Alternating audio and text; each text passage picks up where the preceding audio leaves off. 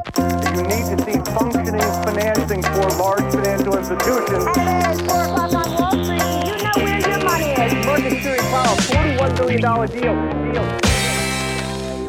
Det finns ungefär 50 miljoner människor i världen som har så pass nedsatt talförmåga att de inte kan uttrycka sig själva. Enligt FNs konvention om rättigheter för personer med funktionsnedsättningar pekas särskilt tillgång till hjälpmedel för kommunikation ut som en fundamental rättighet för alla. Här kan Tobii Dynavox hjälpa till och ge dem en röst. Bolaget som avknoppades och särnoterades från Tobii i december i fjol är världsledande inom kommunikationshjälpmedel. Det här vill vi naturligtvis veta mer om.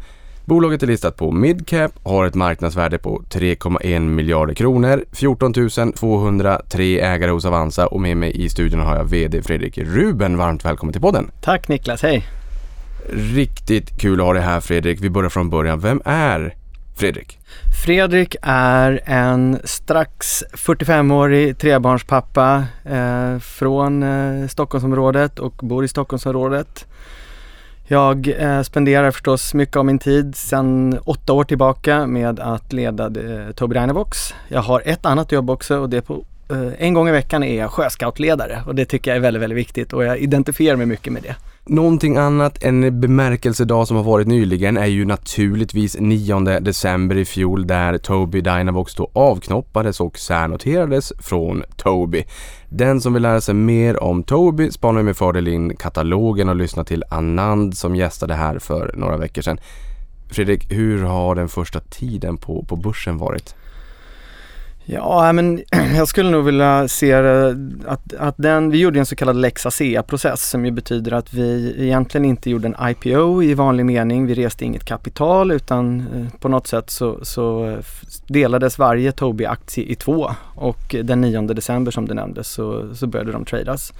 Däremot så skulle jag vilja påstå att resan fram till dess är eh, trots allt ganska lik en vanlig börsnotering. Så att otroligt mycket jobb eh, som har dragits av stora delar av ett fantastiskt team eh, under en period när världen har varit nedstängd och lite öppnad och nedstängd igen. Så att det finns ju någon sorts lite förlösande känsla i att, att den här milstolpen är över och att det gick så pass bra och, och så vidare. Så att eh, en, en, stor stolthet. Vi har jämfört det med att lite av att ta examen. Eh, sen har vi inte kunnat ha de här riktigt stora tentafesterna efteråt men det ska vi eh, säkert kunna lösa. Så att, eh, men nu är vi tillbaka i vardagen. För företaget som sådant så är det här inte en så stor operativ skillnad. Jag skulle säga för merparten av mina 500 kollegor så märker man nog inte så stor skillnad av, av det som hände 9 december. Eh, eftersom att Tobii Dynavox och så som Tobii-koncernen har varit strukturerad är att vi har ju arbetat autonomt. Företagen har liksom i princip varit helt fristående från varandra under många, många år. Eh, så att nu är det tillbaka, omladdning, det är januari som vilket, eh, vilket år som helst och eh, plattan i mattan, så kör vi. Plattan i mattan så kör vi. Det är nytt år, det är nytt kapitel, full fart framåt.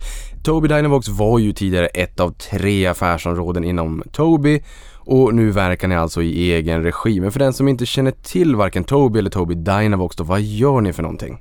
Ja men då är det så att Tobii Dynavox, vi är som du nämnde överlägset världsledande på kommunikationshjälpmedel. Det vill säga personer som av en eller annan anledning inte för egen maskin kan göra sig förstådda eller eh, kommunicera eller använda en dator till exempel.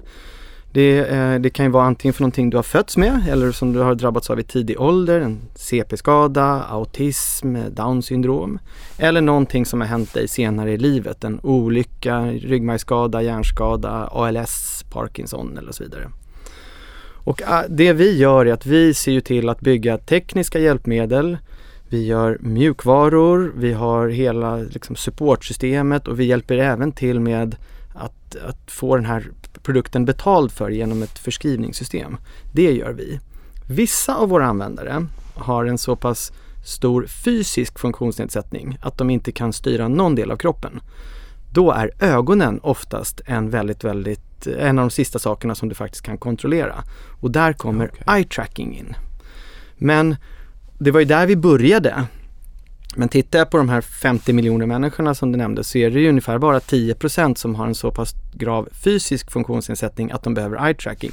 90 de kan använda eh, fingrar, eh, huvudet, eh, olika sorters joysticks och möss och så vidare och då är det eh, kanske till och med att föredra. Jag noterar här, ni är ju 500 kollegor. Då blir jag ju väldigt nyfiken. Vad gör de här 500 kollegorna då? Ja, till att börja med så 75% av vår affär är i Nordamerika eller- och nästan uteslutande där i USA. Och faktum är att ungefär 75% av min personal är i USA. Eh, Men om jag tittar på de 500 kollegorna så har vi ett drygt hundratal som jobbar i forskning och utveckling, utvecklar primärt mjukvaror och hårdvaror och allting runt omkring dem. Jag har 150 man eller något sånt där som jobbar ute på fältet. De är då eh, oftast har en bakgrund själva som logoped, arbetsterapeut eller något liknande och de jobbar då tillsammans med eh, användare eller potentiella användare och deras eh, logoped eller terapeut. Sen har jag precis som alla företag en administrativ avdelning som gör allt ifrån ekonomi, marknadsföring och så vidare. Vi har kontor i, eh, i, utanför Shanghai. Vi har kontor på flera ställen i Europa, bland annat då förstås Sverige, Norge, England och så som jag nämnde i USA. Intressant. Min respektive är ju arbetsterapeut. Ni hade en mässa i Kista i fjol och hon kom hem och sa Niklas, det var ju i oerhört enkelt att använda deras produkter. Hon vet ju om då att jag har pratat om Tobii Dynavox hemma så det var ju kul att vi, våra, hon är inte lika eh, aktie och ekonomiintresserad som mig, så kul att våra intressen kunde liksom Härligt. sammankopplas där vid, vid ett tillfälle. Och jag har ju fått testa den här eh, hårdvaran här idag innan poddinspelningen också och inser ju att om jag någon gång i livet skulle råka ut för en olycka eller av annat skäl inte skulle kunna kommunicera så som jag gör nu så skulle jag fortfarande kunna göra min röst hörd för det var oerhört enkelt att använda er programvara. Oerhört enkelt via en iPad och det kommer vi komma in på. Ni, ni, du har ju smusslat i, i sex års tid med ett samarbete med Apple som ni breakade här i slutet på förra året. Är det vanligt att du låter investerare, lite grann Kalle i chokladfabriken, testa det här och förstå intuitivt, inte bara förklara i ord varför det här är bra och varför det behövs utan så att poletten verkligen trillar ner. Ja, och, och jag tror att det är så här. Skälet till att ett, vårt största liksom, hinder till att det här inte är ännu större och mer allmänt är för att kunskapen om att det här ens finns är väldigt, väldigt låg. Och sen blir det ju förstås så att när du pratar om det, ja så styr du det här med ögonrörelser och alla nickar lite försiktigt och tänker jaha. Men det måste vara väldigt, väldigt svårt. Så att för mig, en del av det vi gör och det som inte bara jag gör, utan många av mina kollegor, är ju faktiskt att bara rent praktiskt sätta det här framför alla typer av användare. För att då tar man bort den här äh, hokus pokus-faktorn lite. Och inser precis som du upplevde idag då, att det här är ju jätteenkelt och det som det gör är att det skapar hopp. För att det som våra produkter gör, man ska nog inte alls se det som att det är en teknisk uppfinning utan det ger ju liksom meningen med livet tillbaka eller det ger dig möjlighet att gå i skolan, skaffa en utbildning, ha en karriär. Någonting som ju var helt otänkbart bara för kanske tio år sedan. Eh, så jag tycker att det är viktigt att många får testa det och eh, det, det är återigen ett av våra största utmaningar att kunskapen om att det här ens finns även bland förskrivare, arbetsterapeuter, de som egentligen ska kunna det här, är otroligt låg. Intressant, det där kommer vi komma in mer på. Du pratade ju här om eh, människor med olika typer av diagnoser som kan tänkas behöva era kommunikationshjälpmedel. Och ni riktar ju in er primärt mot tre olika användarkategorier. De med medfödda nedsättningar, progressiva diagnoser och afasi. Eh, utveckla mer. Mm. Eh, och, och återigen då kommer vi tillbaka till du som föds med någon sorts nedsättning. Eh, processen är ju att eh, i vissa fall så har man ingen aning om det som förälder utan man märker att någonting inte riktigt är som kanske syskon eller andra barn.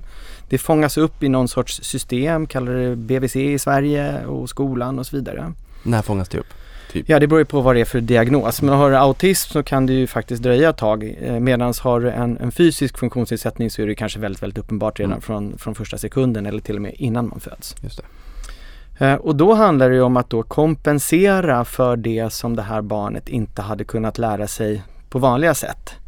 Eh, Och då väldigt, väldigt tidigt så, så hittar vi kanske symboler som man kan peka på, man kan Eh, liksom skapa intressen. Ibland så är det ju inte bara en fysisk nedsättning, det kan vara en kognitiv nedsättning också. Och så växer man det här och till slut så kanske man behöver ögonstyrda produkter eller pekskärmstyrda produkter. och så utvecklar man, liksom man kompenserar och ser till att det här nedsättningen som det här barnet hade, ja men vi, då hittar vi något annat som, som gör att, eh, att han eller hon kan fortfarande göra sig förstådd. Så, att- och det är en lång, lång resa och jag brukar skämtsamt säga, jag har ju själv tre barn. Jag kämpar fortfarande med min tonåring om att på ett vettigt sätt äta med kniv och gaffel.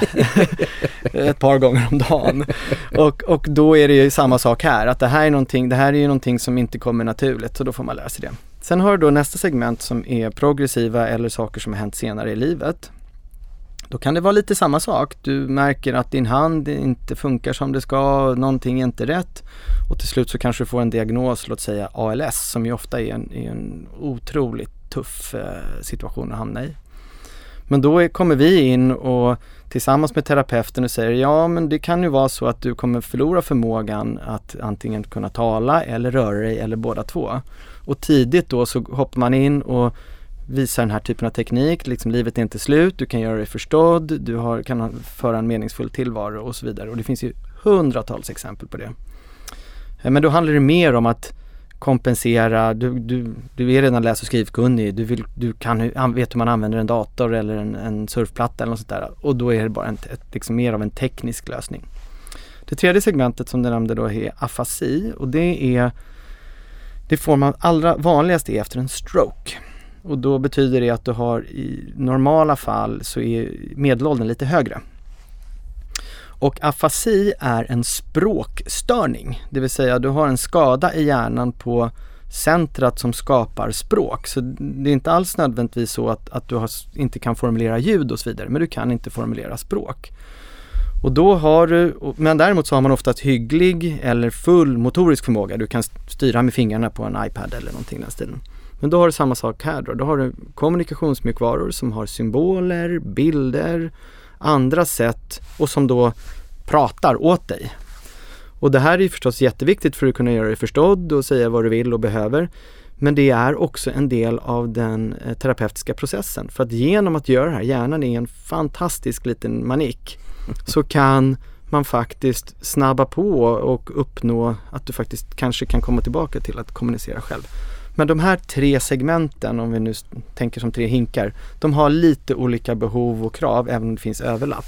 Och därför så är det så som vi delar upp liksom våra kommunikationshjälpmedel. Det låter ju hemskt naturligtvis om man, om man- om man är med på alla sätt och vis men fången i sin egen kropp och inte kan kommunicera. Mm. Och det är ju de här människorna ni faktiskt kan ge en röst.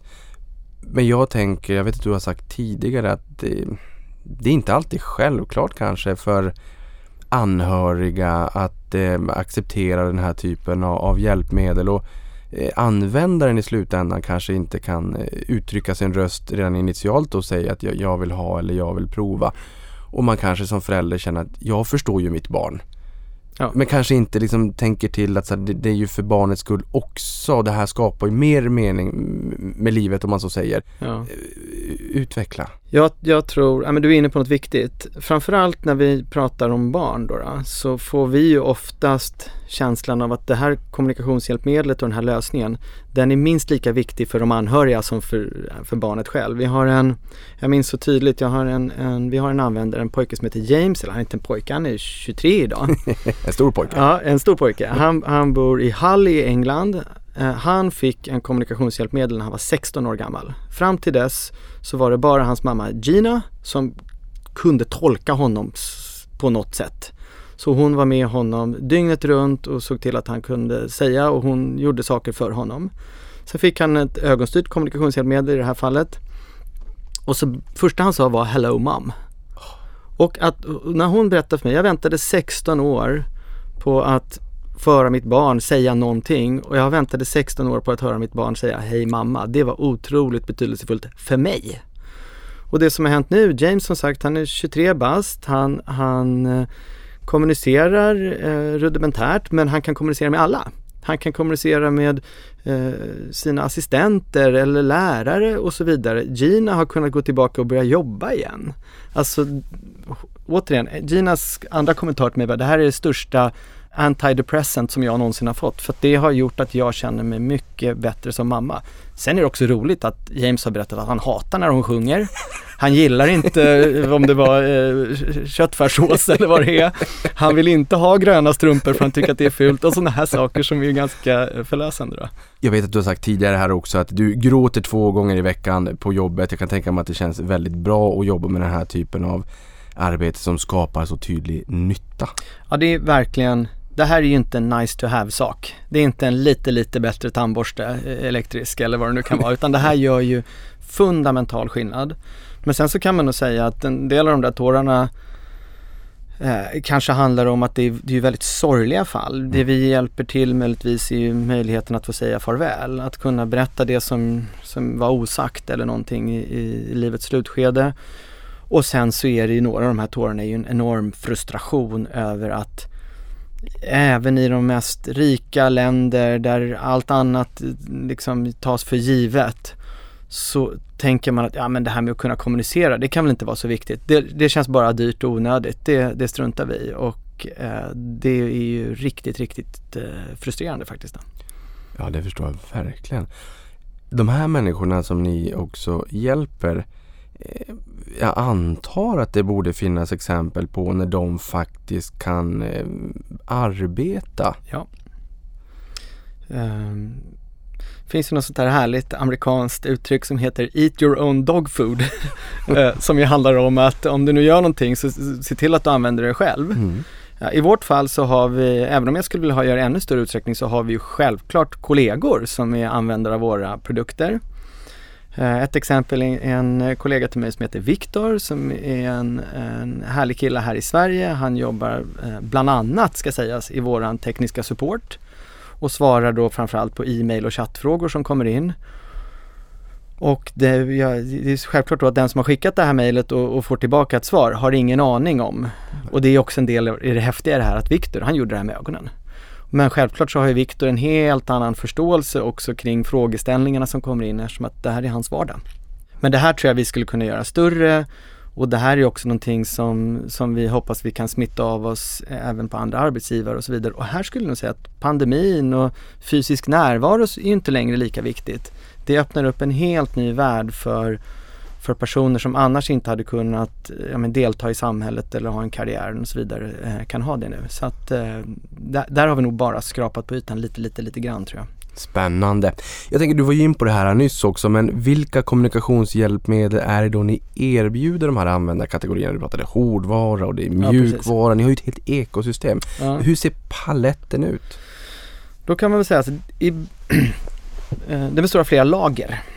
Eh, och det första lagret handlar om det faktiska innehållet och då är det så att personer som inte ännu i alla fall har lärt sig att läsa och skriva, då kommunicerar man med symboler. Och symboler är, tänk emojis fast lite mer kliniskt eh, och lite mer liksom fylligt.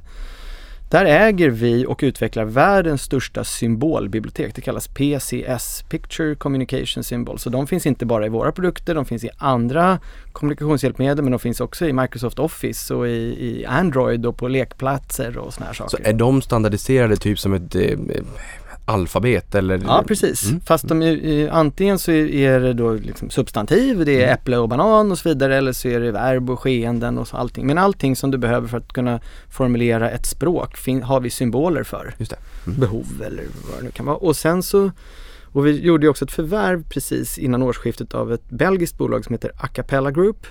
Och de är världsledande på syntetiska röster. Och båda de här två komponenterna, ja men det är ju fundamenta.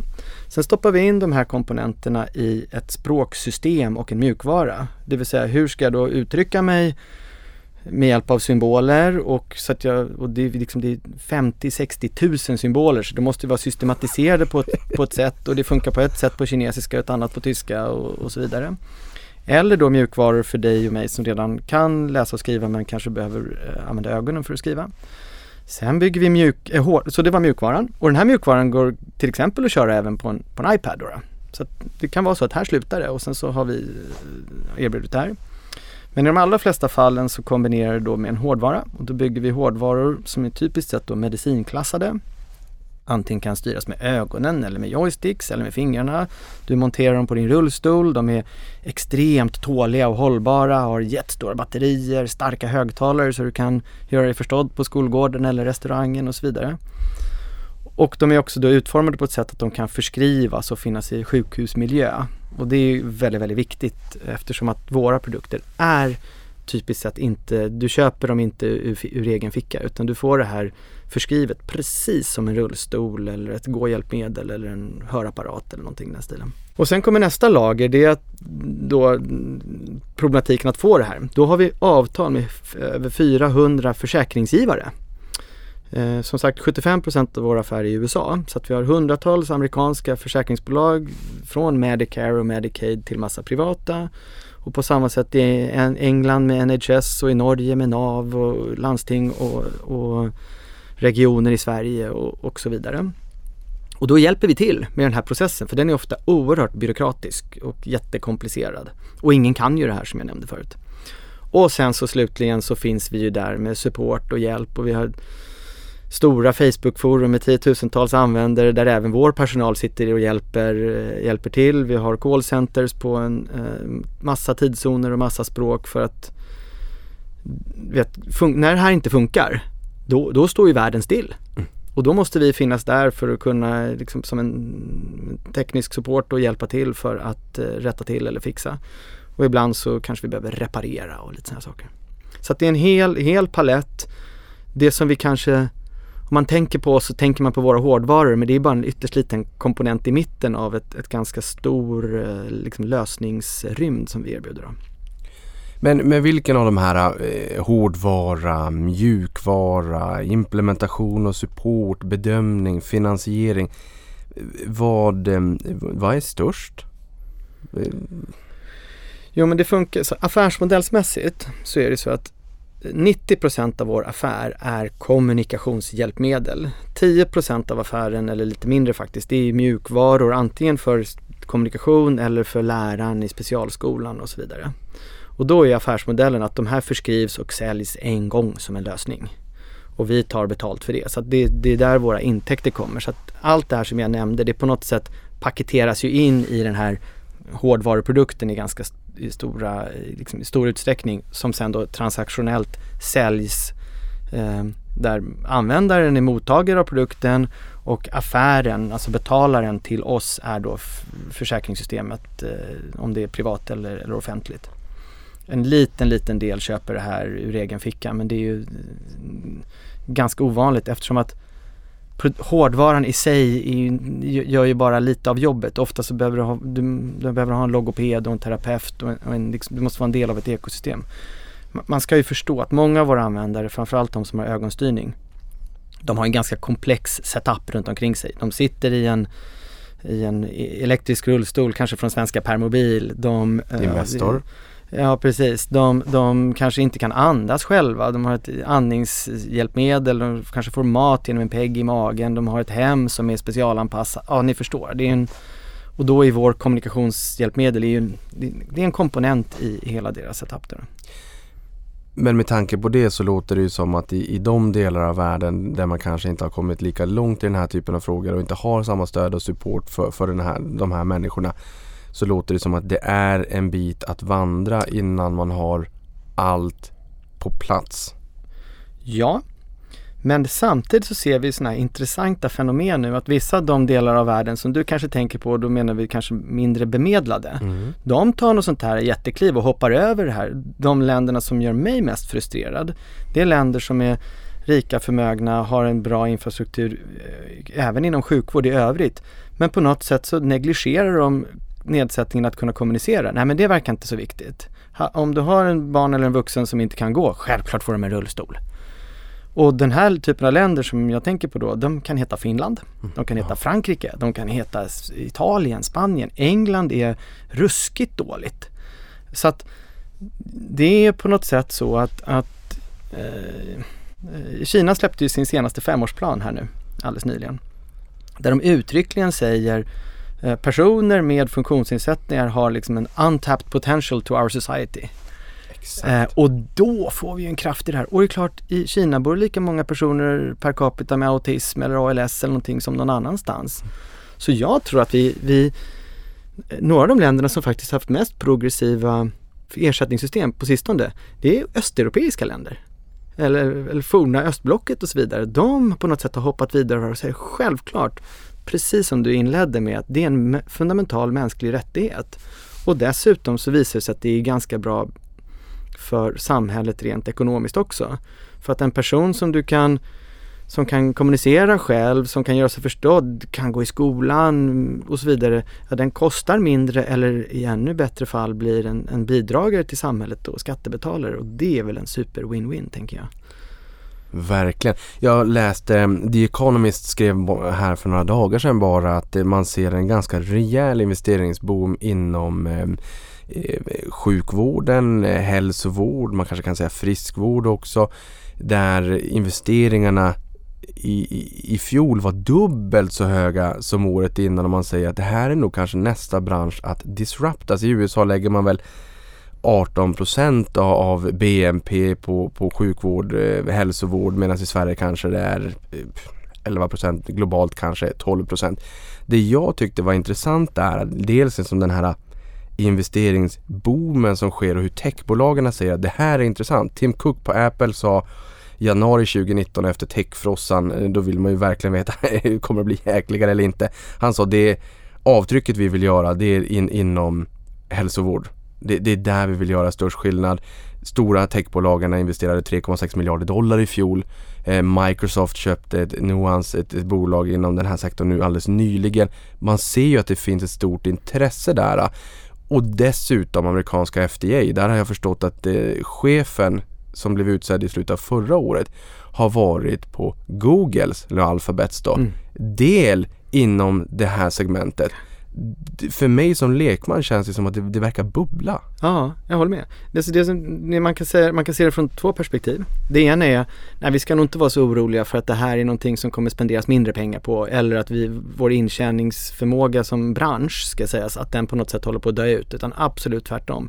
Jag tror att vi befinner oss i en, i en jättespännande position där jag, om du hade frågat mig för fem år sedan om jag är orolig för vad Google, Apple och Microsoft gör, ja kanske lite. Men det som har hänt istället är att det vi gör är så super, super nischat och kräver ganska mycket kunskap, eh, som jag förklarade tidigare hur vårt erbjudande ser ut. Så att vi är istället deras bästa kompis.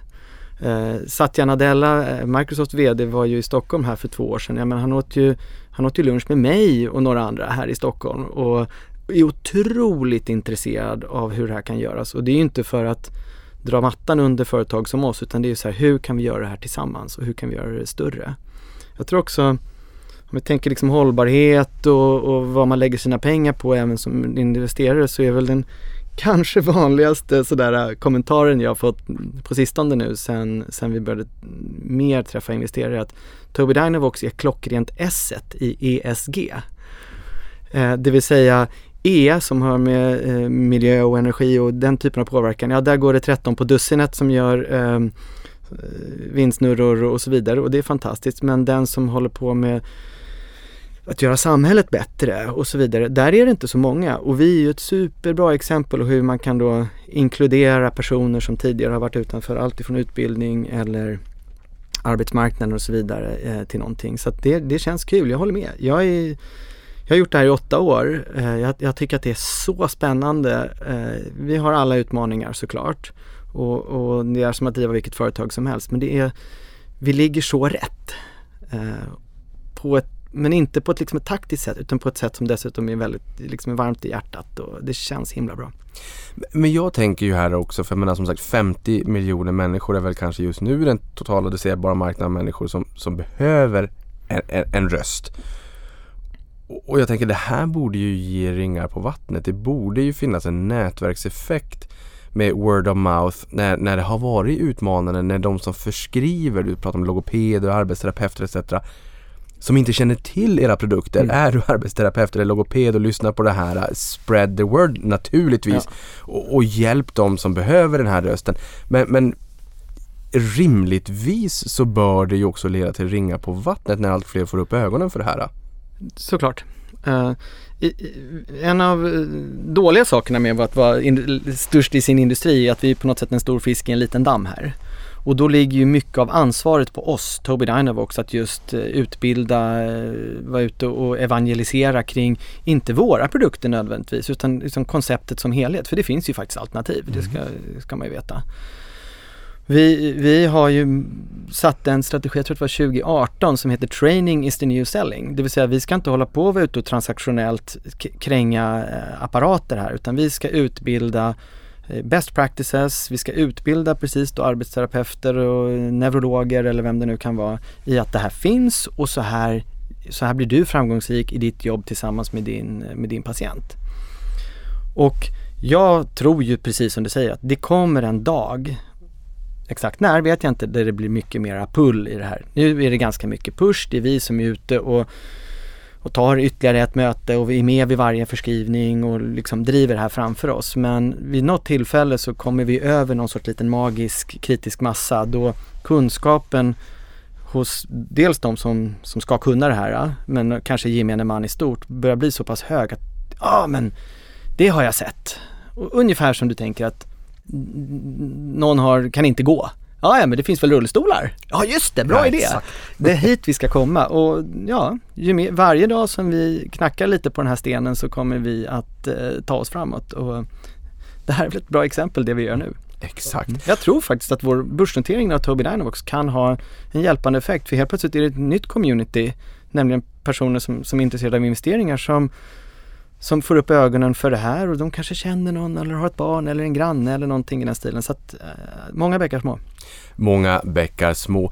Jag tänker här, jag fick ju prova eh, den här, en av era produkter då där ni har eh, integrerat och samarbetat nu här då med Apple. Vi kommer ju komma in på det senare under avsnittet men jag fick testa den här produkten. Jag fick känslan för, av att jag fick känslan av att även om jag då så att säga skulle vara med om en olycka eller någonting och inte kunna kommunicera på vanligt vis så skulle jag fortsatt kunna kommunicera. Den här apparaten som jag fick prova, tillåter ni Nej, vänta nu förresten. Eh, vä- vänta, jag ska inte ändra den där frågan. Eh, Okej. Tillåter ni tredjepartsaktörer att utveckla exempelvis mjukvara och program åt era produkter eller utvecklar ni allting eh, själva? Nej, men vi, vi bygger, vi har tillsammans med Apple byggt då den tekniska plattformen. Det är då lite hårdvara men det handlar kanske framförallt om att direkt få prata med deras allra heligaste, nämligen deras operativsystem. Eh, I det här fallet iPad OS eller iOS som vissa kallar det. Det, det är tillgängligt för alla så att eh, på den här eh, enheten så kan du använda Instagram eller eh, Facebook eller vad sjutton, Avanzas app. Du kan sitta och köpa och sälja aktier och du, Avanza behöver inte göra någonting för att den här ska fungera för dig utan det funkar eh, det funkar, funkar precis som du gjort fast du styr det med ögonen och tänk dig en sorts muspekare då. då. Vi kan ju däremot göra tekniska interaktioner på ett ännu djupare plan så att de blir mer intuitiva, kanske lite lättare att använda och så vidare. Men- på det stora hela så det finns ingen begränsning utan en app som du kan köra i det här fallet på, på eh, iPad OS men vi har ju Windows-baserade produkter. Ja, du kan köra Excel eller du kan köra eh, eh, något dataspel eller vad sjutton det kan vara och det behöver du inte ha en relation till oss för att göra utan vi bara enablar det egentligen. Finns det många dataspel på eh, typ iPad som är anpassade i dagsläget för de här individerna eh, som, som man kan styra med ögonen? Jag skulle säga så att det finns väldigt få som på ett medvetet sätt har anpassat det skulle, för att det ska funka. Men det finns tusentals spel och grejer som, ja det funkar ändå jättebra ändå. De behöver inte göra någonting. Särskilt då för sådana produkter som är gjorda för ett pekskärmsinterface. Ja, de har ju på något sätt det här inbyggt redan från början. Så att eh, jag skulle säga att det där vi kommer absolut, och jag hoppas det, ha utvecklare av mjukvara som, som tar det här i beaktande så att det också funkar jättebra för personer som styr med ögonen. Men jag skulle samtidigt säga att eh, det är fantasin som sätter gränsen och in, inte tekniken eller, eller vi för den delen. Nej, och jag tänker nu när ni också har breakat det här samarbetet tillsammans med Apple så är det väl kanske fler som får det här på sin rad. Man kanske sitter som utvecklare på ett bolag och inte har tänkt på det här. Fullt naturligt att man inte vaknar upp på morgonen och kanske tänker på det här. De, de, de här individerna och dess behov det första man gör. Fram till att man kanske läser en, en artikel eller lyssnar på den här podden och inser att ja just det. Ja men det här är ju en Tänk dig tvärtom, det här är ju en jättestort affärsmöjlighet. Det är ju Exakt. inte en helt oväsentlig adresserbar marknad. Du som gör ett spel som funkar för personer som har en, en nedsättning av något slag. Ja, det är en jättemarknad och eh, det vore väl det är också härligt när sånt händer tänker jag. För att då är det precis så att det inte är något byråkratiskt politiskt beslut och så har man gjort någonting som blev ganska bra utan det drivs av precis samma drivkrafter som, som samhället i stort. Och eh, återigen ta bort stigmat från det faktum att du ser ut eller fungerar eller kommunicerar på ett lite annorlunda sätt än din kompis. Ja men ni spelar fortfarande båda eh, Roblox eller vad sjutton det kan vara marknadsekonomins krafter. Det här tänker jag också är, är lite intressant för jag menar som sagt Råkar man ut för en olycka mitt i livet, man vet hur man levde dessförinnan och sen så ändras livet och förutsättningarna ganska drastiskt. Då tänker jag mig också att det är ett fascinerande att kunna använda en iPad med alla de som du sa Facebook eller Instagram eller Mm. Netflix eller vad den är. Otroligt intuitivt. Jag menar jag behövde två minuter, jag ska inte höja mig själv till skyarna men jag kunde faktiskt styra den här enheten. Och, och jag behövde inte mera liksom, tid för att lära mig och inse hur den fungerade. Det var väldigt intuitivt. I slutet på förra året så berättade ni ju om den här spännande nyheten och ni har eh, i hemlighet tillsammans med Apple under sex års tid, eller i alla fall du under sex års tid har varit med då tillsammans och utvecklat en teknologi som transformerar en iPad till ett ögonstyrt kommunikationshjälpmedel. Vi har ju in, varit in på det här lite grann nu under podden men det känns som att vi har kommit tillbaka till det så många gånger så nu- nu måste vi bara gå till botten med vad är det här för någonting? Berätta allt. Ja, då är det så att eh, fram tills i, eh, i november så våra produkter som var ögonstyrda då, då eh, i 100% av fallen Windows-baserade. Och de funkar jätte, jättebra. Eh, måste jag säga. Det är, det är det som liksom hela vårt företag har byggt på ska jag säga. Men jag skulle också säga att den vanligaste frågan vi har fått under tidens lopp är Okej, men funkar det på en iPad? Nej, det gör det inte eftersom Apple har en annan filosofi. Det är ett lite mer walled garden-tänk när det gäller eh, mjukvaror och så vidare. Du kan inte bygga tredjeparts-plugins. Och, och, Apple gör ju det här inte på grund av att de är elaka utan gör det för att de vill verkligen se till att användarupplevelsen är perfekt och att, eh, att, att det liksom inte buggar ur om man ska vara krass. Eh, tillsammans med Apple så har vi ändå tagit de första stegen för att få det här att fungera men vi har också försökt länge. Men hur gör man det här så att det verkligen återigen är solitt och funkar och inte eh, liksom är hög kvalitet. Och sen ska man väl nog säga att eh, vi är ett svenskt bolag in, eh, in Mörby Centrum, eh, outside of Stockholm och Apple är ett lite, lite större företag eh, i Silicon Valley. Så att det är klart att det har funnits en relationsmässig grej i det här och inte minst legal då, då hur vi har kunnat ta det här vidare.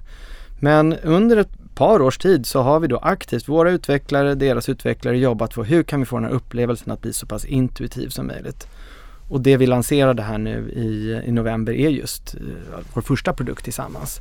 Där man egentligen tar Apple och en, deras hårdvara och deras uh, operativsystem. I operativsystemet så finns det då stöd för vår hårdvara som man då kopplar in kring det här och så våra mjukvaror och sen tillsammans så funkar de uh, som hand i handske och och eh, återigen är ett bra. Men jag, det är nog viktigt att säga att jag tror att gemene man, vi har, vi, vi har ju alla våra preferenser om man är en, en eh, och, och, och, iPad är ett jättebra verktyg för vissa saker men ska jag sätta mig och räkna i Excel eller göra någonting som är lite mera, då vill jag ha min PC. Och jag tror att vi kommer ha precis samma sak bland våra användare här. Vi kommer ha ett stort gäng som vill fortsätta använda PC-baserade produkter för att de vill ha lite mer frihet och redigerar film eller vad sjutton de vill göra. Och sen har vi ett gäng som är då mera iOS-typen och de, det är lite mer paketerat, det är lite mer begränsat men samtidigt är det lite mer fullproof då. då. Eh, så det har vi gjort. Eh, det här är ju, det är ju en game changer. Men man ska också veta då att vår, vår bransch är ganska långsam. Eh, det är inte den mest tech Savvy-branschen och dessutom så finns det då en i och med att de här produkterna typiskt sett inte köps då, då eh, över disk så ska det registreras och upphandlas och eh, eh processas genom, eh, genom olika försäkringssystem. Så det finns ju en liten fördröjning i liksom den kommersiella impacten av det här. Eh, men vi har fått så mycket kärlek av det här och jag känner att det, eh, ja, det är förlösande. Jag har tänkt mycket på hur det ska bli och det har uppfyllt hittills precis alla våra önskningar kring både användarupplevelsen och feedbacken från marknaden. Ja, för det här har jag förstått. Jag läste bara för några dagar sedan om hur det, det finns ett inkubatorprogram hos Apple för eh, apputvecklare. Och där menar de att Sverige är fantastiska. Och uppenbarligen, även om det är ett stort Silicon, Silicon Valley och, Ja. och ett litet, eh, litet Sverige, så ni, ni syns ju på radarn eh, naturligtvis. Nej men som sagt, jag, jag, jag tycker det är kul. Vi ska, vi ska, men det är också, men samtidigt viktigt att förstå att det är inte natt och dag i termer av att det här kan göra någonting som vi aldrig har kunnat göra tidigare utan det vi gör är att vi lägger till någonting som har varit stort efterfrågat och som återigen tar bort stigmat och så vidare. Och det är en fantastisk produkt och vi är jätte, jättestolta över den. Eh, och, och nu erbjuder vi liksom ett alternativ snarast. Och precis, då finns det ju både, på, både för PC och, och Apple. Eh, Berätta lite mer om det här stigmat som du pratar om. Jo, jag skulle nog säga att vi är ju ett gäng ingenjörer på, på Tobii Dynavox, i, mig inkluderat. Och vi har ju kommit från något, på något sätt ur ett uppfinnarperspektiv.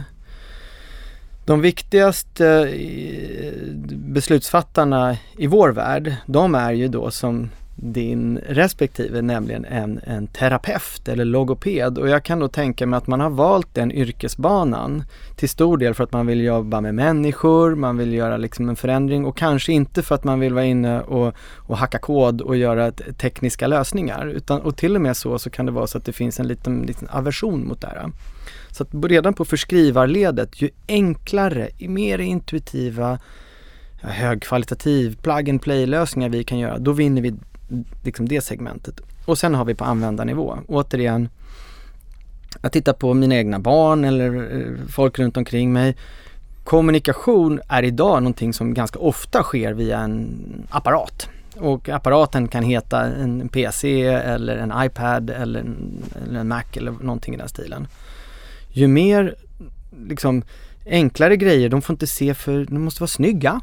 Alltså industridesign är jätteviktigt, gränssnitten, att de är snygga och enkla och att du kan använda eh, liksom konsumentmjukvaror och teknik. Det tar bort stigmat. För det gör dig, du är redan ganska annorlunda om du har en, en grav funktionsnedsättning. Men det här gör det inte värre utan snarare tvärtom. Jaha, ja du, du har också en iPad eller du har också en dator och du kommunicerar via videosamtal eller en syntetisk röst och så vidare. Ja, det är väl inte så konstigt. Och det tycker jag är förlösande. Och vi glömmer ju ganska fort hur udda det här hade upplevts för eh, kanske tio år sedan. Vi pratade innan vi, innan vi drog igång här Niklas om eh, hörapparater faktiskt. Just det.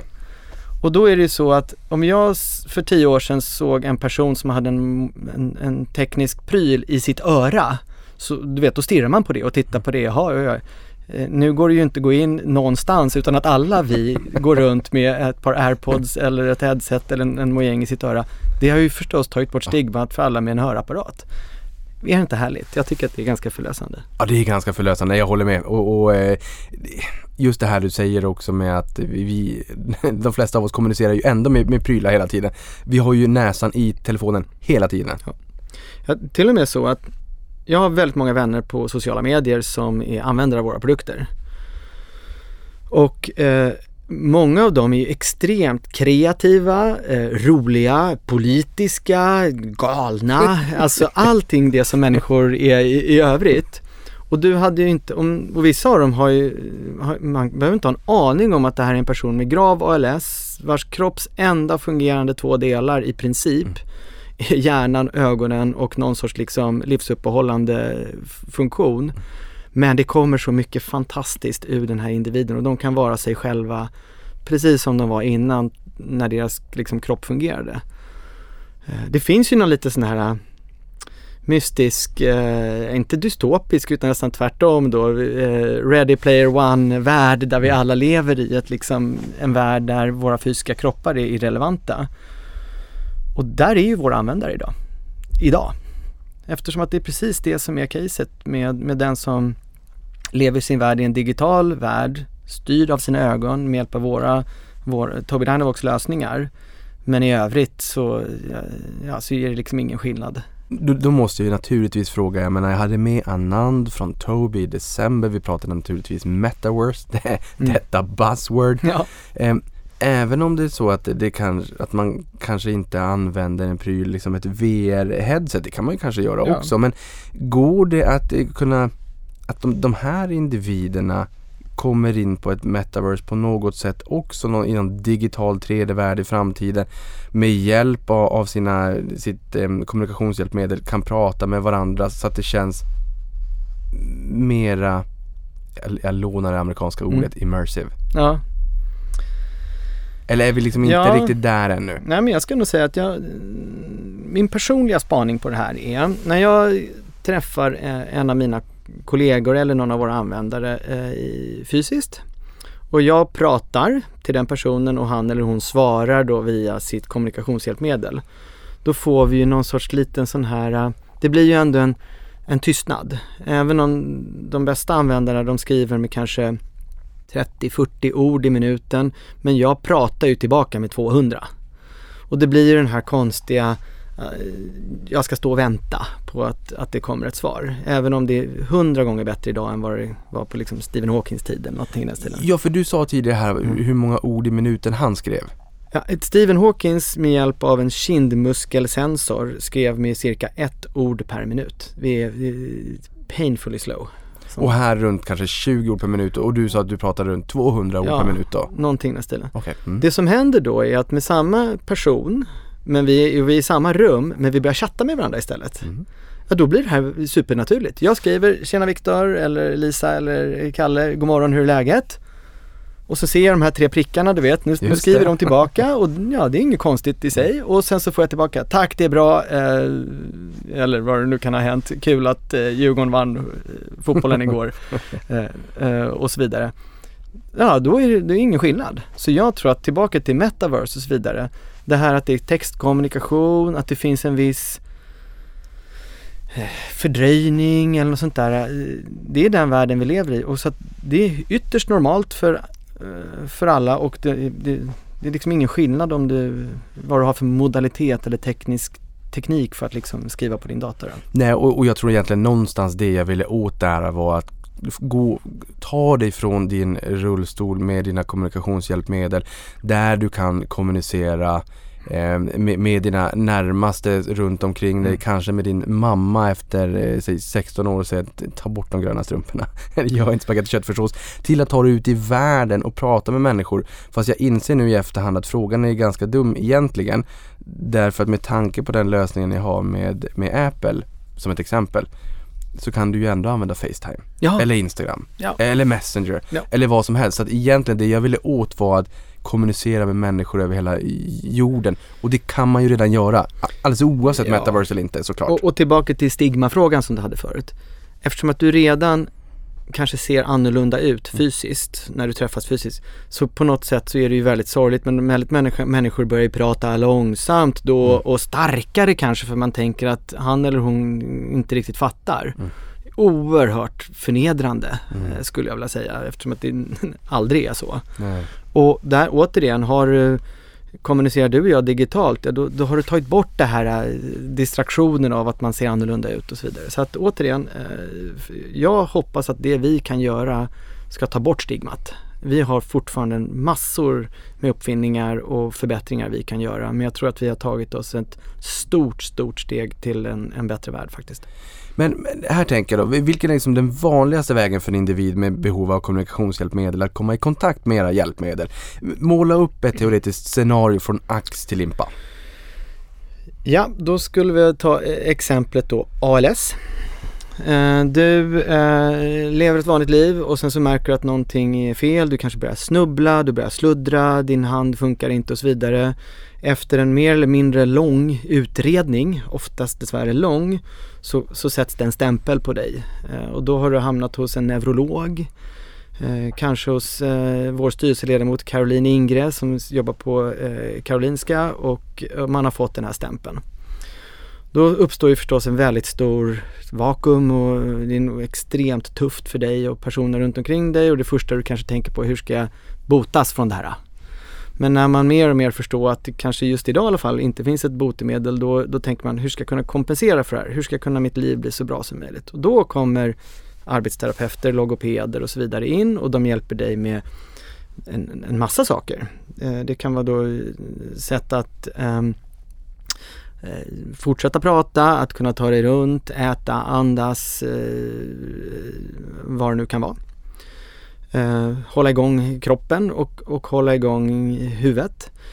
De som är riktigt duktiga, de tar redan då våra lösningar och gör någonting som kallas voice banking, det vill säga man spelar in din röst, eh, dina uttryck.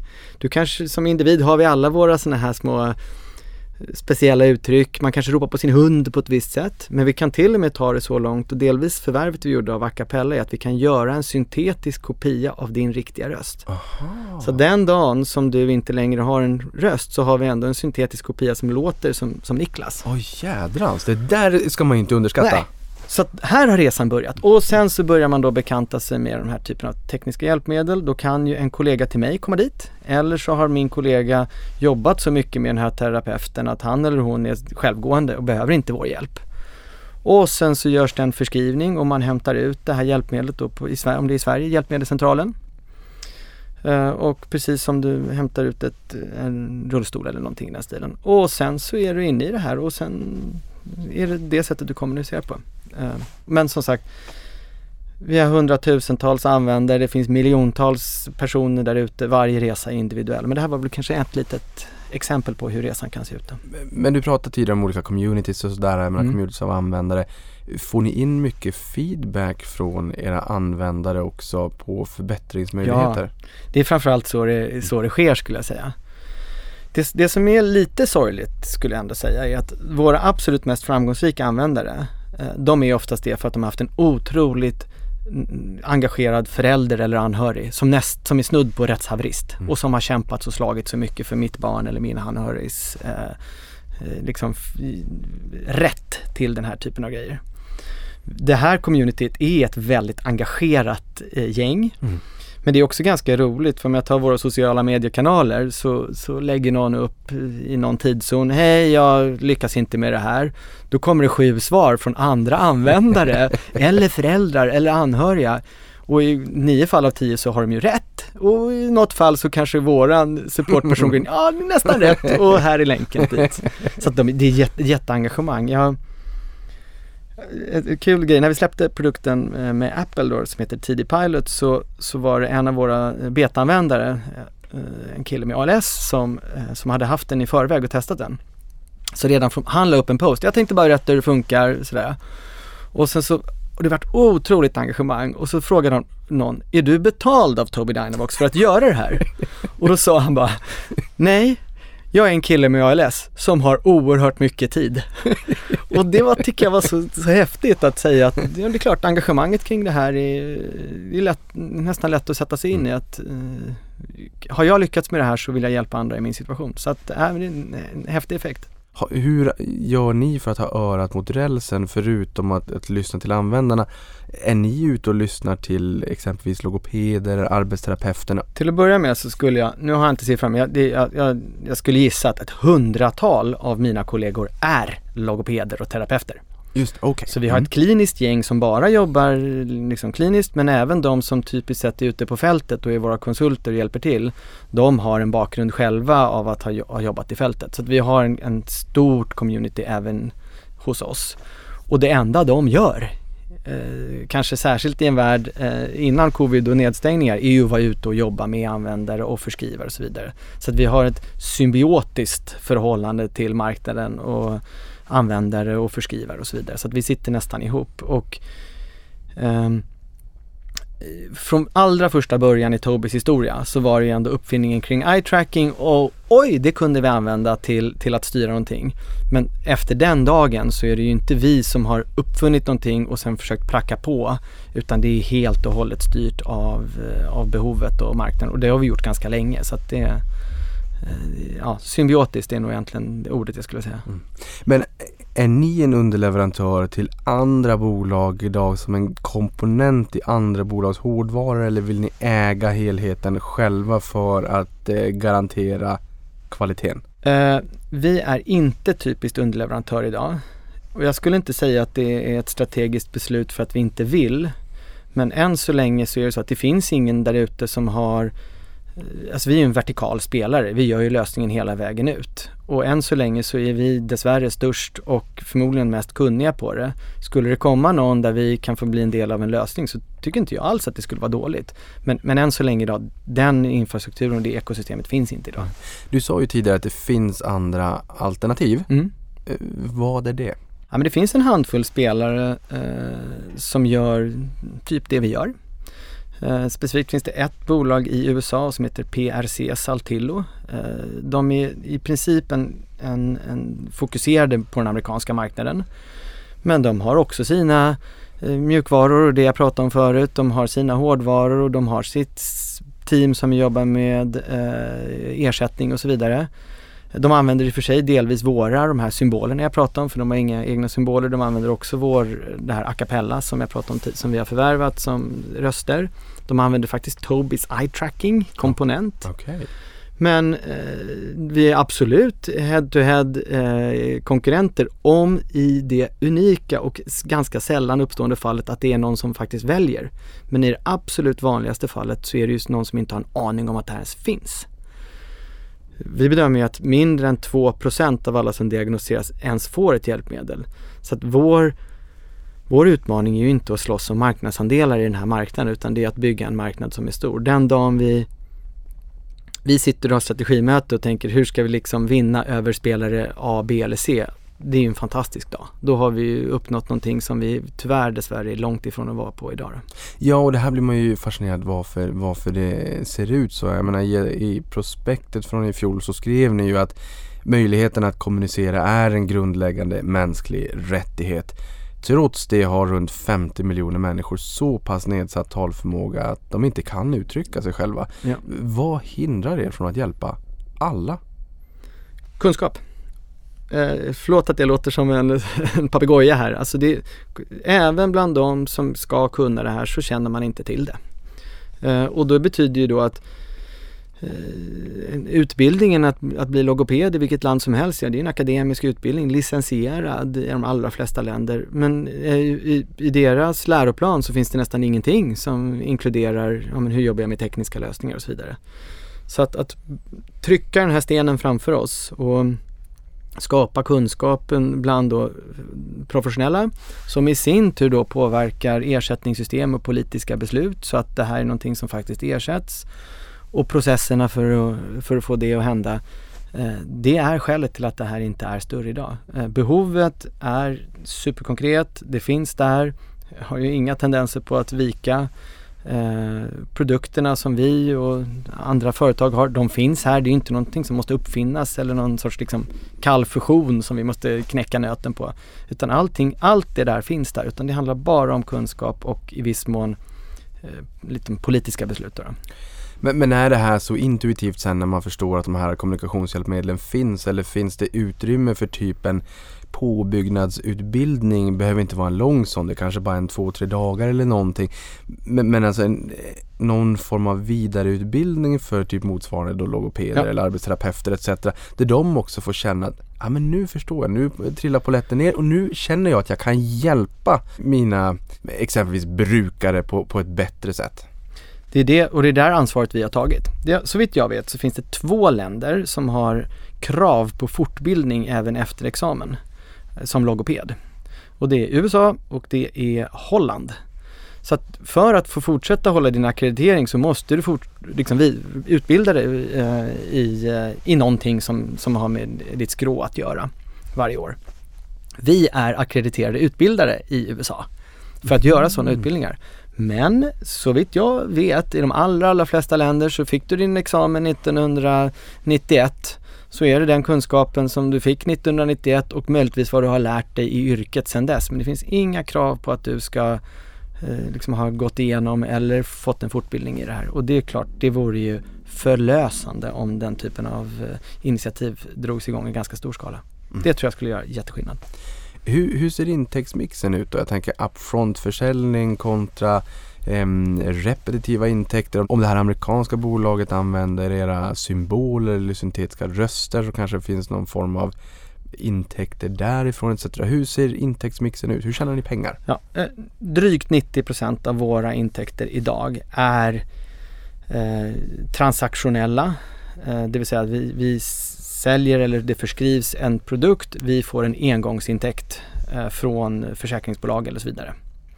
Eh, så det är en engångs... Resten så har vi en mix av det du var inne på, lite, licensförsäljning, vi har mjukvaruförsäljning som också är SaaS-lösningar där vi har repetitiva intäkter. Men den är fortfarande så pass liten del av vår affär att jag skulle ändå säga att liksom absoluta majoriteten av våra produkt, eh, vår försäljning är transaktionsbaserade per, per device eller per produkt. Mm. Sen finns det ju då en det finns ju en ersättningsmarknad som är ganska stor. Många av våra användare, det är ju livslångt att man använder det här och förutsatt att vi spelar våra kort rätt så är ju man vill ju inte byta ekosystem, byta symboler, byta mjukvara och så vidare. Så att vi räknar med att någonstans mellan vart fjärde till sjätte år så byter du ut din enhet och liksom får en ny. Alternativt att dina behov har förändrats, ja då, då byts den ut. Men det är lite sådär landspecifikt och försäkringsbolagsspecifikt. Um, Sen finns det väl mer en bokföringsteknisk eh, grej i det här som har med IFRS att göra. Att vi, vi intäktsför faktiskt inte 100% av våra intäkter. Så att om vi säljer någonting som kostar 100 så intäktsför vi 90 och de resterande 10 de intäktsför vi eh, under en period när vi har ett supportåtagande som typiskt sett är det säg tre år eller någonting i den stilen. Men man ska också veta att våra betalare är ju extremt pålitliga. Eh, vi får allting upfront, de betalar på tid eh, och så vidare och är ju inte konjunkturkänsliga för fem öre och så vidare. Så vi har, det blir en ganska intressant liksom cash conversion rent eh, matematiskt av det här.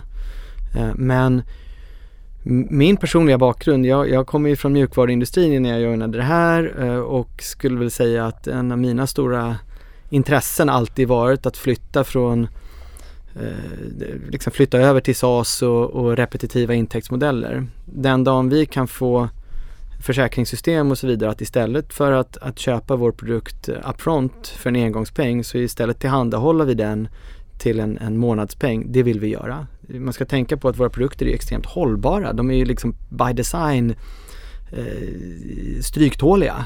Eh, vi har en god bruttomarginal i företaget. Så att om jag istället kan erbjuda även hårdvara som en tjänst till den typen av försäkringsbolag, då vill jag göra det. Men de är inte de, är inte de mest progressiva kundgrupperna som, som vi har. Men vi har några små initiativ. I Japan faktiskt så finns det små öppningar för det här till exempel. Men du kommer från mjukvarubranschen, då tänker jag mig så här eh, har man typ sin iPhone eh, så är det ett antal uppdateringar löpande hela tiden, såklart Microsoft också. Den här typen av eh, operativsystem som ni skapar i era egna produkter och det är 60 000 symboler etc. Det kanske inte finns ett behov av att ha 50 uppdateringar löpande varje år. Men sker ett, liksom, en utveckling av operativerna eh, löpande och får ni någon form av betalning för det? Eh, ja, det sker en utveckling eh, löpande. Ehm, den absoluta majoriteten av mina forskningsutvecklingsinvesteringar är faktiskt på mjukvara eftersom att det, är ett, liksom ett, det lever och utvecklas hela tiden. Affärsmodellen idag är dock transaktionell typiskt sett. Eh, men varenda chans vi kan få där vi skulle kunna förändra den till någonting som är mer repetitivt, den kommer vi ta. Men man ska också tänka på att vår marknad är inte mättad. Det är inte så att vi, för att liksom fortsätta växa det här så behöver vi byta affärsmodell utan den är fortfarande så fruktansvärt underpenetrerad så att jag tänker inte avsluta allt det vi gör för att byta affärsmodell för, för då skulle jag förmodligen sabotera ganska mycket både för våra användare och för oss själva. En annan fråga som jag brukar ställa i början i och för sig, men det här var så intressant så den kommer nu istället. Hur, hur ser den geografiska mix ut? Vart finns ni? Nu har du ju ja. nämnt USA, att ni är stora där så att säga, men hur pass globala är ni? Ja, nej men eh om vi börjar med kollegorna faktiskt, mm. så är det så att vi har 500-tal kollegor. 75% av dem, alltså drygt 300-350 sitter i USA. Eh, jag har ett nordamerikanskt huvudkontor i Pittsburgh men eh, över 100 jobbade redan innan pandemin remote och fysiskt ut, utspritt över landet. Och sen så har vi kontor i England, i Norge, i Sverige och i Kina. Och sen utöver det så har jag ett gäng personer framförallt i Europa som är utstationerade.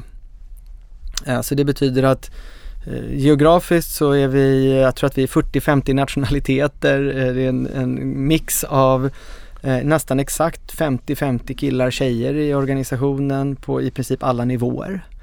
Eh, I, I styrelsen så är vi faktiskt 60-40 eh, kvinnor. Eh, men som sagt, vi har en väldig mix av olika nationaliteter och religioner och, och, och bakgrunder och så vidare. Rent krast så säljer vi direkt eh, till brukare och penetrerar marknaden direkt utan någon mellanhand i USA, England, Sverige och Norge.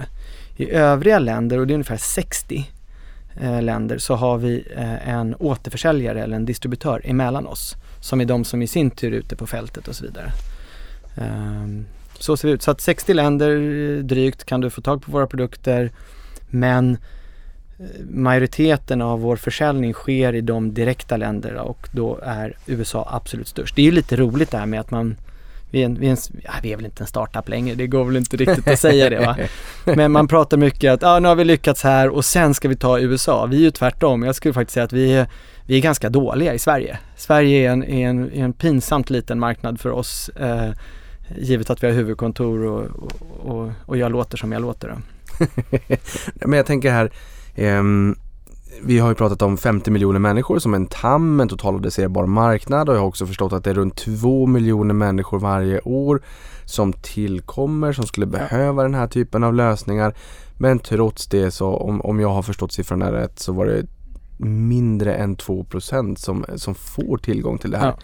Hur många länder eh, med sina ersättningssystem är det som står på randen till att inom överskådlig framtid ta det här steget, tror du, och kunna möjliggöra det här? Vi sa ju, eller du sa ju att Östeuropa Mm. är väldigt duktiga på det här, men hur många liksom är i startgroparna tror du på att... Ja men det är inte riktigt så svart och vitt Nej, faktiskt. nej. Eh, utan det ska jag säga att de länderna där det är okej ersättningssystem är USA, Norge eller egentligen Norden exklusive Finland och tysktalande Europa och, och lite, Australien är faktiskt ganska bra.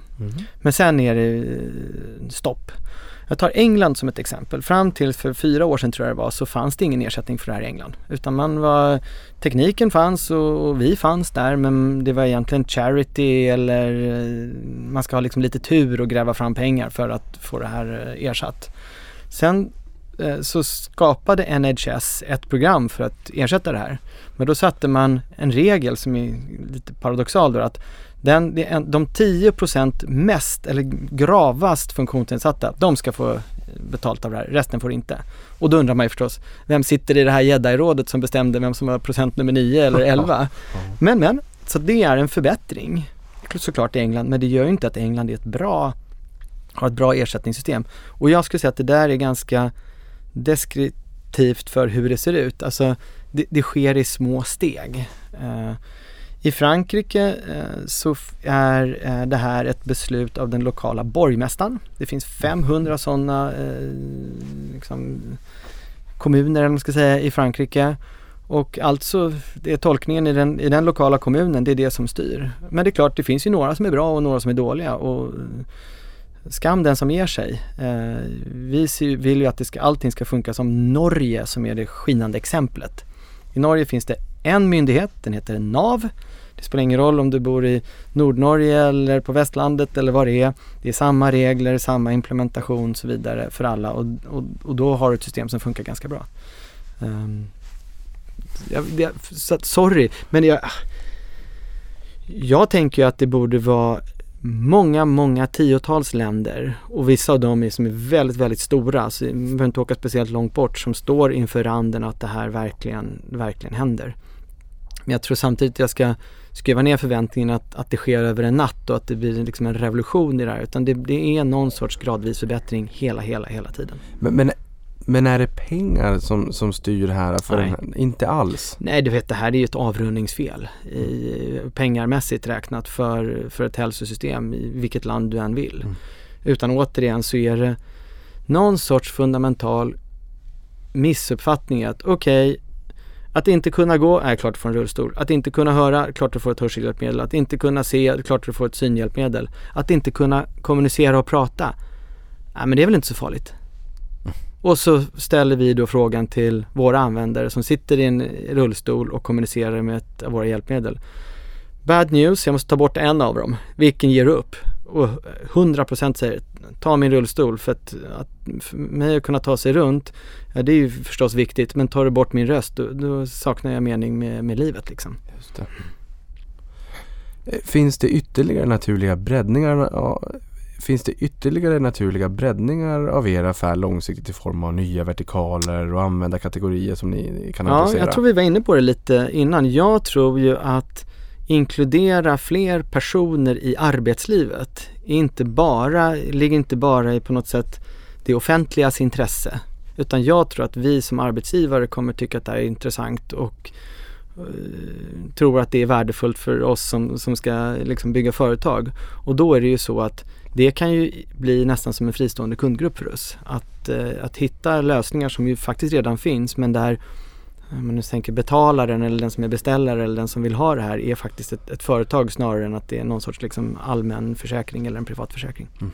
Hur ser era finansiella mål ut då? Då är det så att som företag så brukar vi jämföra oss lite med en supertanker. Det, Mhm. går, det, det, det är ganska få radikala förändringar som vi har sett hittills. Vi säger att våra mål eh, är att växa med mer än 10% per år. Eh, justerat för valuta men i övrigt eh, mer än 10% per år tillväxt. Men som ni förstår givet givet penetrationen, det kan ju ske i all evinnerlig oändlighet långt efter att eh, du och jag har slutat jobba. Mm. Och vi tror att det finns inte någon kortsiktig mening i att överspendera för att vi kan inte gasa på det här radikalt. Alltså ska det vara en lönsam tillväxt där vi har satt eh, de långsiktiga eh, lönsamhetsmålen att överstiga 15% ebit per år. Eh, och sen så kan man väl säga, jaha, men om du ändå måste prioritera mellan de här två nyckeltalen, hur skulle du prioritera? Och då så är väl nog mitt svar att så länge vi har en, en sund lönsamhet, då efter det kommer jag att prioritera tillväxt. Men det bygger ju på att jag har, vet vad jag, ska, vad jag ska lägga de pengarna på och så vidare. Annars så ska vi vara ett långsiktigt lönsamt, långsiktigt utdelande företag som ska växa stabilt. Och sen så kanske den här dagen kommer som vi pratade om förut när vi har nått någon sorts punkt av att det här blir mer common domain, kunskapen om det här är ingenting som vi måste driva på, ja då hoppas ju och vill jag att det här ska kunna växa väsentligt mycket snabbare. Men vi tycker att det vore eh, är fel av oss att liksom sitta och lova det för jag kan inte se exakt hur det skulle hända eller när men jag är övertygad om att det kommer hända. Ja, för som jag tolkar tillväxtmålet på, på minst 10% tillväxt, det finns ju alla möjligheter i världen att ligga och takta på det som du sa, lång, lång, lång tid. Mm. Men i liksom tillväxtstrategin finns det ändå en del komponent förvärv där. Jag menar, vi Ja. pratade om, om förvärvet av, av Acapella Group, Mm. det här belgiska bolaget och då antar jag att ni inte förvärvar för ändå kanske snabbare organisk tillväxt utan kanske mera för att ta in ytterligare en teknologi. Ja, men jag skulle samtidigt säga att förvärvet av Acapella är, de det är inte det vanligaste caset. Nej. Utan det vi har framför oss när det gäller eh, förvärvsagenda, det är eh, sälj och marknadsexpansion. Okej. Det vill säga, Mm. kan jag förvärva mig snabbare in i en geografi, i ett visst land genom att förvärva ett bolag som är etablerade där, som har personal, som har nätverket, kunskapen, eh, ja, you name it. Det är den typen av förvärv jag vill göra. Vissa av dem skulle ju teoretiskt kunna vara en av våra existerande återförsäljare men det finns massa företag som, har, som jobbar med det här, har en etablerad eh, närvaro i Italien eller Frankrike eller vad- sjutton det kan vara. Den typen av förvärv är mycket, mycket vanligare än nödvändigtvis teknikförvärv så som jag bedömer idag. Och på tal om förvärv här då, hur pass eh, fragmenterad kontra konsoliderad skulle du säga att marknaden är? När man lyssnar på dig så får man känslan av att den är väldigt fragmenterad. Frågan här är ju såklart också, är ni den naturliga spelaren att konsolidera den? Ja, fast jag är inte säker på att, återigen, den är så underpenetrerad. Så att för oss att köpa marknadsandelar genom förvärv är inte det mest effektiva för då blir vi bara ännu större fisk i den här lilla dammen. Utan det som vi ska göra är att expandera dammen eh, primärt och trycka på eh, kunskapen. Och sen så får vi väl hoppas att det inte är allt för många pandemier som slår till för att eh, det ska ju man inte sticka under stolen att pandemin har ju påverkat oss oerhört hårt. Man kan ju på något sätt vid första anblick säga ja men de har inte brakat ihop av det här. Eh, jag kan säga att jag gick in i 2020 med extremt höga förväntningar. Vi stod med en ny produktportfölj, vi stod väldigt väl rustade för en, en stark lönsam tillväxt och sen så fick man en rak höger någon gång i mars 2020 som egentligen innebar att samhället stängdes ner. Vår förmåga att träffa våra användare eh, begränsades kraftigt. Våra användare som ofta bor på någon sorts institution eller skolor som var nedstängda. Eh, de tillhörde riskgrupper och så vidare. Och sen så som lök på laxen så vi som lever på delvis hårdvaror fick ju, har fått oerhörda problem att både producera våra produkter och kanske ännu mer på sistone att få dem att liksom landa på rätt ställe eftersom att logistikkedjorna i världen är ju helt trasiga. Mm. Eh, men jag menar trots det så lyckades vi hålla oss eh, över tillväxtmärket 2020 eh, lönsamt. 2021 har ju fortsatt på exakt samma spår. Det vill säga vi har ju en våt filt över vår potential. Men även med den tunga våta filten så lyckas vi eh, fortsätta att driva den här affären. Men det är klart, när den här pandemin är över så är det ju inte färre användare där ute som behöver våra hjälpmedel. Det har fortsatt att födas eller diagnostiseras två miljoner per år. Så vi har ju på något sätt ett, ett uppdämt behov av de som inte kunnat hjälpa och förhoppningsvis så löser ju världens eh, logistikkedjor och komponentkedjor så att det här blir lite färre gråa hår för mitt gäng som jobbar med, med supply chain. Och då är vi tillbaka på den, eh, på den och har den där känslan som jag hade då i, i januari 2020. Så användarna och och behovet finns ju kvar. Ja, det finns ju kvar. Eh, Och faktum är att de har ju fortsatt att växa och, och jag är helt övertygad om att det finns ett uppdämt behov som dessutom faktiskt lite artificiellt kommer att göra att vi får ännu mer vind i seglen så fort pandemin på riktigt är över och här i, januari 2021 när du och jag sitter här då är det ju faktiskt så att det inte riktigt den känslan vi har eh, ute på stan men det är klart det här kommer att gå över och vi tar oss igenom det här. Det har ju inte Pandemin har ju inte på något sätt varit existentiell för oss. Vi har ju faktiskt hållit vår omsättning och vi har hållit en hygglig lönsamhet men det är ju inte, det är ju långt, långt, långt, långt ifrån de mål som jag har i Excel-papper tillsammans med styrelse och ledningsgrupp och så vidare av vad vi tror att den här affären ska leverera. Vilka skulle du säga är de största riskerna framåt då?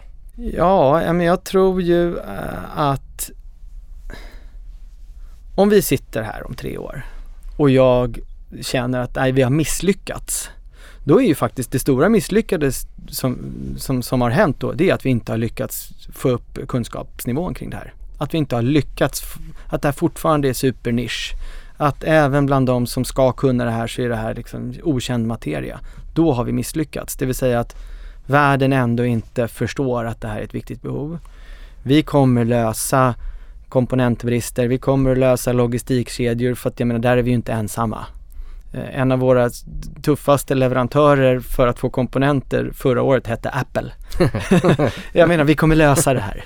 Eh, och, och på samma sätt som vi nämnde i början på intervjun så jag är inte egentligen orolig för att vi ska bli överkörda av Apple, Google och Amazon och sånt där utan vi är ju deras bästa kompisar. Utan eh, vi måste se till att oförtrutet dundra på och sprida kunskapen om att det här finns och sen så förstås inte göra bort oss. Eh, vi ska se till att ha rätt etiska kompasser, vi ska se till att vi håller oss extremt på rätt sida när det gäller vad som uppfattas som rätt eller vad som är rätt i eh, lokala system. Vi ska se till att vi inte eh, gör bort oss med FDA eller Federal Contractors och så vidare. Men det där är ju liksom, ligger i vårt DNA, att vara eh, the good guys. Hur ser ägarbilden i bolaget ut då?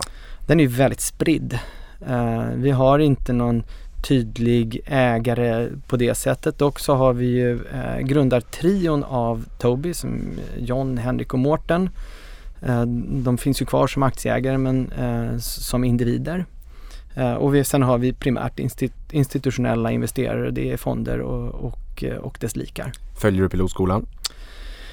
Ja, det får jag väl ändå på något sätt säga. Eh, det första jag gjorde eh, den 9 december var att ta, eh, i mitt eget fall, alla mina sparpengar och köpa fler Tobii Dynavox aktier. Och jag tror ju stenhårt på det här och jag tycker att det är mycket, mycket roligare när man känner att man har lite skin in the game. Köpte du dem via paddan med ögonstyrning? Nej, men jag köpte dem via fingret i, i, i någon relativt digitaliserad eh, och internetbaserad svensk bank. Ja, snyggt! eh, sist men inte minst, var befinner sig Tobii Dynavox om fem år? Uh, Tobbe Reinhardt, vi har fortsatt på den här tillväxtresan. Vi har dundrat på. Supertanken har inte vikt av i någon annan riktning. Vi fortsätter vår lönsamma, starka resa. Vi är väsentligt många mer kollegor. Vi har en väsentligt större omsättning men kanske allra, allra viktigast. Vi hjälper tiotusentals eller hundratusentals människor att vara en del av vårt samhälle, att göra sig hörda eh, delta i allt ifrån skola, utbildning, samhället i stort eller har en karriär. Fredrik, det återstår bara för mig att säga stort lycka till framåt. Tusen tack för att du kom till podden och berättade om ert otroligt viktiga arbete för att ge alla de här människorna en röst och en ytterligare mening med livet. Tack Niklas, jättekul. Och stort tack för att du lyssnade på det här.